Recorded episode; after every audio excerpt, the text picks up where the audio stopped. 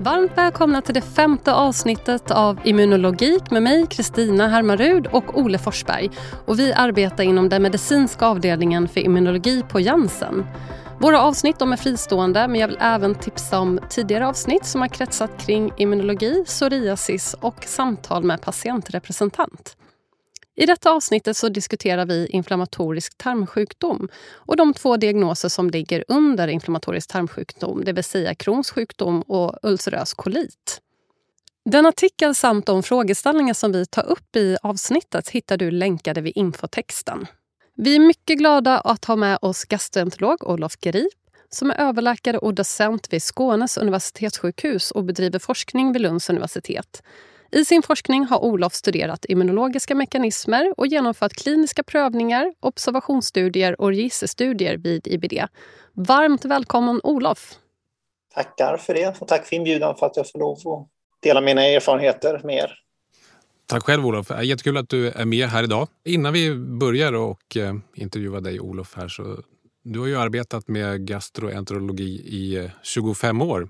Men hur kommer det sig att du blev intresserad av gastroenterologi? Ja, jag skulle nog säga att det, när jag började, alltså jag var färdig med min AT och började som ung läkare, så kom jag rätt tidigt, jag jobbade på medicinkliniken och kom i kontakt med endoskopin, det här när man tittar in i tarmen på folk och blev väldigt tagen av de här bilderna. Och den undersökningen man kunde visualisera en så pass påtaglig effekt i tarmen och sen när man satt in ett läkemedel och det läkte ut och det var väldigt spännande och tilltalande och sen så fortsatte jag. Vi hade en dynamisk chef som lockade med mig så att, så att jag började med forskning senare och kom in då på mekanismer runt inflammationen och effekter av inflammationen och sen har det rullat på och det har blivit mer och mer intressant och mer komplext. Jag var med i början när jag fick TNF-alfa-hämmarna och den påtagliga effekten av det när det kom så det var lite av aha-upplevelse. Jag tycker det hänger kvar, att det kommer nya saker som vi kan göra för en sjukdom som är väldigt svår. Bara lägga till en fråga där som är intressant. Ja, nu beskrev du varför du valde gastroenterologi, men nu ser du framöver här, är det, är det fortfarande samma drivkraft som du har kvar? Ja, alltså jag tycker det blir så många facetter av sjukdomen som man inte var riktigt var medveten om från början. Där sjukdomen spelar roll Eh, för individen på många plan och vi kan försöka med olika hjälp få ett bättre liv. Det är gärna att man, och vi har höjt ribban för vad vi anser acceptabelt kanske och vad man kan nå med hjälp av olika behandlingar. Så jag tycker det är väldigt spännande i och med att det optimala vore ju egentligen om man kunde på något sätt helt klira sjukdomen, men vi är inte där alls än, utan det krävs mycket fortfarande kvar. Mm. Om du nu skulle förklara lite för eh, lyssnarna här, vad är egentligen inflammatorisk tarmsjukdom eller snarare de sjukdomarna som ligger under den sjukdomsgruppen? Mm. Det är en eh, kronisk sjukdom, alltså vi kan inte bli av med den. Den sitter i mag-tarmsystemet. Sen kan i och för sig också sitta utanför samtidigt, det vi pratar om extra intestinala manifestationer. Men de går ihop, det är de här två sjukdomarna som vi nämnde, ulcerös kolit och Crohns sjukdom, där man skapar en kronisk inflammation. Man pratar om mikrobiotan spelar roll, vi pratar om tarmbarriären spelar roll och vi har pratat om att immunsystemet. Och alla de här behöver vara i balans för att man ska få en homeostas, en jämvikt i tarmen som gör att man är i ett friskt tillstånd. Kommer det här i olag på något sätt och vi vet inte vad det är riktigt som skapar det olaget, men gör det det så blir det en pågående kronisk inflammation där inflammationen matar med ämnen som skadar tarmen och skapar sår, struktureringar och fistlar. Och samtidigt så kan den här då inflammationen leda till att man måste operera bort delar av tarmen och få svårt att ta upp näring. Ja, vi har ju varit inne på inflammation och när ska man egentligen misstänka att det kan röra sig om IBD och hur sätter man sen diagnosen? Och när man väl har satt diagnosen, hur följer man sen upp sjukdomen just med monitorering? Ja. Att man misst, att allra vanligast när man kommer tarmarna i olag, det är ändå att det är en infektiös genes, en orsak, infektion som ligger bakom. Det kan vara virus och det kan vara bakterier. Men det ska läkas, det ska gå över. Så har du en tillstånd i tarmen som inte går över, och det är ofta har vi kanske en gräns runt en månad, en fyra veckor, så har det inte gett med sig inom några veckor, så bör man utreda varför. Eh, och det är det första ändå är att utesluta att det inte ligger en infektion bakom det. Och sen blir det ju ofta nästa steg att titta i tarmen. Och där använder vi till stor del koloskopin för att fastställa om det finns en kronisk inflammation. Där man tittar hur den ser ut och det kan ta cellprover för att bedöma om det finns tecken till en kronisk inflammation. Så där är ofta endoskopin som blir den diagnossättande när den börjar med sjukdomen. Och sen följs det upp. Vi sätter in en behandling och vi följer upp det. Och då kan vi ha surrogatmarkörer för inflammation i tarmen eller det allra bästa är egentligen att titta in i tarmen eh, på olika avbildande undersökningar. Men den är lite komplicerad så att det är svårt att följa upp och få till det alltid. Utan då har vi det vi kallar om surrogatmarkörer eller biomarkörer för att mäta inflammationen. Och just att inflammationen kommer från tarmen det är det vi vill mäta, att effekt av behandlingen. Kan du nämna någonting mer om de här surrogatmarkörerna? Vilka är det specifikt? Ja, den som vi använder som har är den bästa vi har det är ju, när det gäller tarmen det är ju fäseskalprotektin. Det är en mått på hur mycket inflammation. Det är som sänkan för tarmen eller CRP för tarmen. Det säger ju inte vad inflammationen beror på. Det kan vara en infektion, det kan vara ett sår, eh, det kan vara inflammerade divertiklar, det kan vara NSAID eller celiaki. Men det säger att någonting är fel på tarmen. Och misstänker man då att det är det, så har fäseskalprotein som är förhöjt, så går man in och tittar. Eh, sen använder ju nivån på fäseskalprotein när vi följer patienterna för att se att den sjunker, att vi får ner inflammationen med hjälp av det. Och den vi använder i blodet det är ju CRP och gärna känsligt CRP om man inte har möjlighet att följa ner det. För man kan ofta hitta lågaktiv inflammation i blodet som man kan hjälpa med av behandling få ner. Eh, och det korrelerar rätt så bra till såren i tarmen har man sett när det gäller CRP och sjukdomen både i tunntarm och tjocktarm. Mm. En annan fråga, jag tänker hur, hur, viktigt är att man, att man ställer rätt diagnos eh, liksom tidigt? Har det betydelse för sjukdomsutveckling? Ja, ähm, det, sjukdomarna är så heterogena kan man säga. Varje individ kan ha en väldigt svår sjukdom och skapa en stormigt förlopp och de blir inlagda på sjukhus och blodiga diarréer och då, där är det nästan lättare och snabbare att komma till diagnos. De som har en lågaktiv sjukdom och kanske just en tunntarmssjukdom, där kan det gå år. Och ibland är det så att sjukdomen är självläkande, den går i skov och så kommer ett nytt skov och det kan ta flera år innan man får diagnos. Det vi tror ju, och det har man ju visat, att kan man då skydda, ta bort inflammationen så minskar man risken till exempel för cancer eh, i tarmarna. Att, eh, och kan vi gå in tidigt, vi har ett fönster i början, kanske man har mycket inflammation och hindrar att det blir bindvävsfibrosutveckling så kanske man inte skapar de här förträngningarna, strukturerna i tarmen. Så att komma in och blockera inflammationen eh, prognostiskt har ju en effekt och det är där man försöker ha gjort en skillnad eh, jämfört med tidigare, där man gick mycket på symptom, att vi vill gärna försöka verifiera hur det ser ut i tarmen och där endoskopi och kalpotektin är bra markörer för att få en uppfattning av det. Mm. Um, en annan fråga här. Är, man, man hör ju ibland att uh, ulcerös kolit kan vara en lite mildare sjukdom än Crohns sjukdom. Är det verkligen så? Ja, generellt säger man det. Ulcerös kolit är alltid lokaliserat till tunntarmen, den sitter alltid, eller tjocktarmen, den sitter alltid i tjocktarmen. Och det som är viktigt för näringsupptag och om man ska klara av att äta och klara sig, det är ju tunntarmen. Så man kan ju leva utan tjocktarmen och på så sätt så kan man ju göra en kolektomi och det gjordes ju relativt ofta tidigare att man tog bort tjocktarmen när man hade ett svårt sko och kom inte till rätta med mediciner.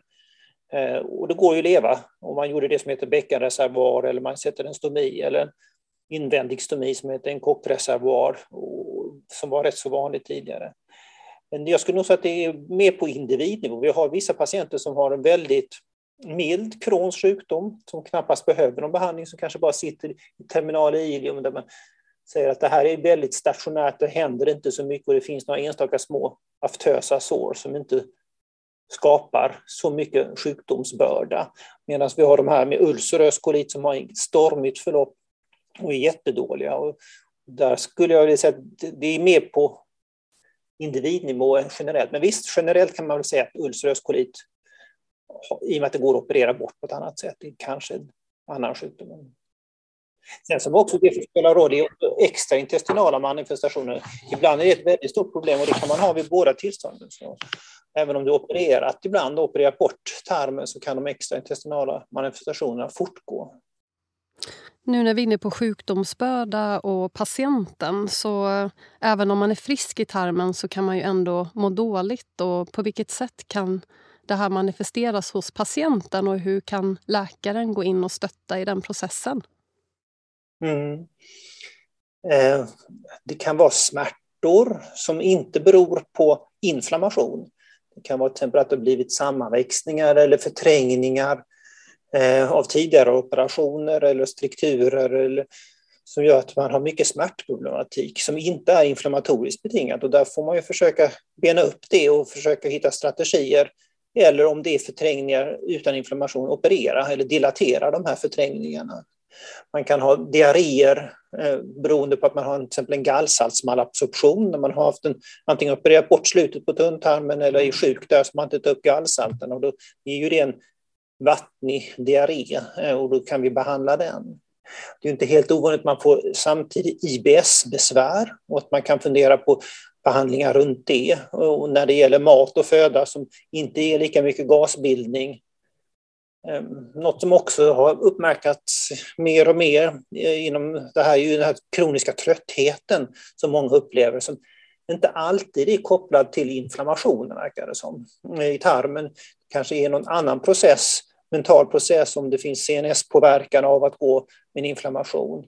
Ehm, om man kan gå in och hjälpa.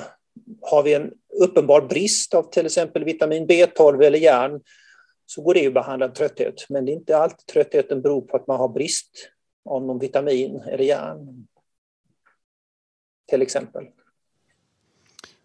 Ja, men det är intressant du pratar om eh, eh, att det finns mentala aspekter i det hela. Det, jag har förstått att det kan vara som så att man kan vara, se ut att man är helt frisk i tarmen men att patienterna är påverkade ändå av vetskapen att man eh, lider av en sån här kronisk sjukdom. Är det så?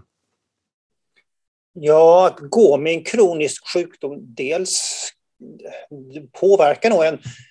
Eh, man känner sig inte lika trygg, man tittar var toaletter finns, man mår inte lika bra. Eh, sen är det ju kopplat till, är du välkontrollerad och tarmen är frisk så mår man psykiskt bättre, har man sett i sådana uppföljande studier. Men totalt sett att leva med en kronisk sjukdom och ha haft det som kanske som barnsben och levt med skapar en osäkerhet i många situationer, lämna hemmet eller sexuella kontakter eller partnerkontakter våga resa utomlands, hur gör jag med medicinen, tänk om jag får ett skov. Och just den ovissheten gör ju att man inte känner sig alltid helt trygg, eh, som skapar en ohälsan. Det har man ju också sett att den här ohälsan psykiskt hänger samman med skov. Och är man långvarigt stressad till exempel så kan det trigga igång ett skov. Ehm, så att man försöker ibland ha just en holistisk syn, lite mer på, inte bara fokusera på hur tarmen ser ut, utan hur mår individen bakom och kan vi hjälpa till på andra sätt? Kan vi ha en kuratorskontakt, dietistkontakter för att behandla andra områden som inte bara är själva inflammationen i tarmen? Ja, intressant. Och vi vet ju att IBD är en sjukdom som även kan påverka led och huden och att eh, det hänger ihop. Och Tänk, hur tänker du kring... Vad vill du att din kollega som är dermatolog och reumatolog ska tänka på när de träffar en patient som har IBD? Mm. Alltså, det, det, första uppenbara är att man tänker, kan det vara en pågående tarminflammation och kan vi behandla den? För då kan ju led eller hudproblemen bli bättre också. Det här med extraintestinala manifestationer av tarmsjukdomen som då ger artriter, en inflammation i leden, men det kan också ge artralgier, alltså bara smärta i leden. Ehm, och med just artriterna kan vi komma till rätta genom att behandla mer aggressivt. Ehm, då tittar vi egentligen på flera av läkemedlen som vi använder både för ledsjukdomar och inflammatorisk tarmsjukdom är de samma, men det verkar på något sätt att vi måste ha högre doser. Tittar vi på TNF-alfa-hämmare till exempel, så har vi ju sett att vi har haft mycket högre doser för att kunna behandla en IBD jämfört med reumatism.